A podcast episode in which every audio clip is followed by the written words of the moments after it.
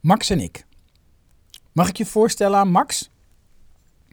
Max is een hele goede bekende van mij. We kennen elkaar door en door. Althans, dat denken we.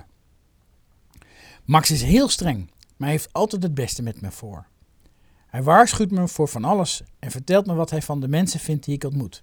Dat hij ze leuk vindt of dom. Hij laat me steeds weten wat ik moet doen en laten. En vooral wat ik moet denken en voelen. Vaak geeft hij me ineens een rotgevoel door bijvoorbeeld te zeggen dat ik goed moet opletten en een persoon niet zomaar moet vertrouwen.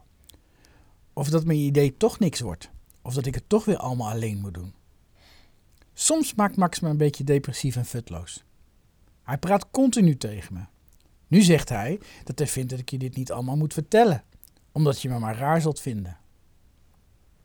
En toch doe ik het. Max is de naam die ik aan het stemmetje in mijn hoofd heb gegeven. Het is mijn verstand dat me zegt wat ik moet vinden en hoe ik moet reageren. En ik noem mijn verstand Max, omdat mij dat helpt er beter mee om te gaan. Laat ik je een voorbeeld geven van wat er kan gebeuren als ik vergeet dat Max overal achter zit. Vorige week had ik haast en kon mijn autosleutels niet vinden. Zal je altijd zien, zei Max tegen me. Je echtgenoot heeft vast weer eens opgeruimd en ze ergens anders neergelegd. Dat heeft ze wel vaker gedaan, weet je nog? Ik had helemaal niet door dat het Max weer was die dat tegen me zei.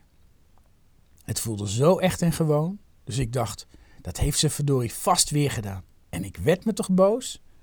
En ik moest snel weg en hoorde nog in mijn hoofd dat het al laat was. Ik zocht mijn vrouw op en zei tegen haar: Waar heb je mijn autosleutels nou weer neergelegd? Ze keek me met een verbaasde blik aan. Ik weet het niet, zei ze. Jij was de laatste die de auto heeft gebruikt. Haar reactie maakte me nog bozer. Ik hoorde mezelf tegen mijn vrouw zeggen: Ik ben altijd heel consequent waar ik mijn spullen opberg. Dan ruim jij zogenaamd op en leg je mijn spullen op een andere plek, zodat ik weer moet zoeken. Je weet toch hoe ik me kan ergeren aan het onnodige zoeken? En ik ben verdorie al veel te laat. Schat, zal ik je helpen zoeken, zei ze. Nou ja, je weet hoe het afliep. De sleutels lagen op mijn bureau, waar ik ze natuurlijk zelf had neergelegd. Ik schaamde me achteraf voor mijn gedrag. Had ik nou maar ingezien dat het Max was die dit allemaal tegen me zei?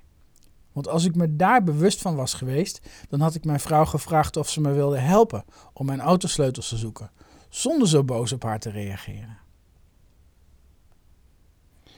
In het voorbeeld van Max zat de persoon helemaal in zijn eigen uitleg. Erboven hangen kun je alleen maar leren door het te doen en te oefenen. Het valt eigenlijk niet goed uit te leggen en te begrijpen. Sterker nog, het eerst willen begrijpen is een gehaaide manier van jouw verstand, jouw Max dus, om controle te houden. Jouw verstand houdt niet zo van dingen die hij niet begrijpt. Daarom volgt daar nu een aantal oefeningen voor erboven hangen.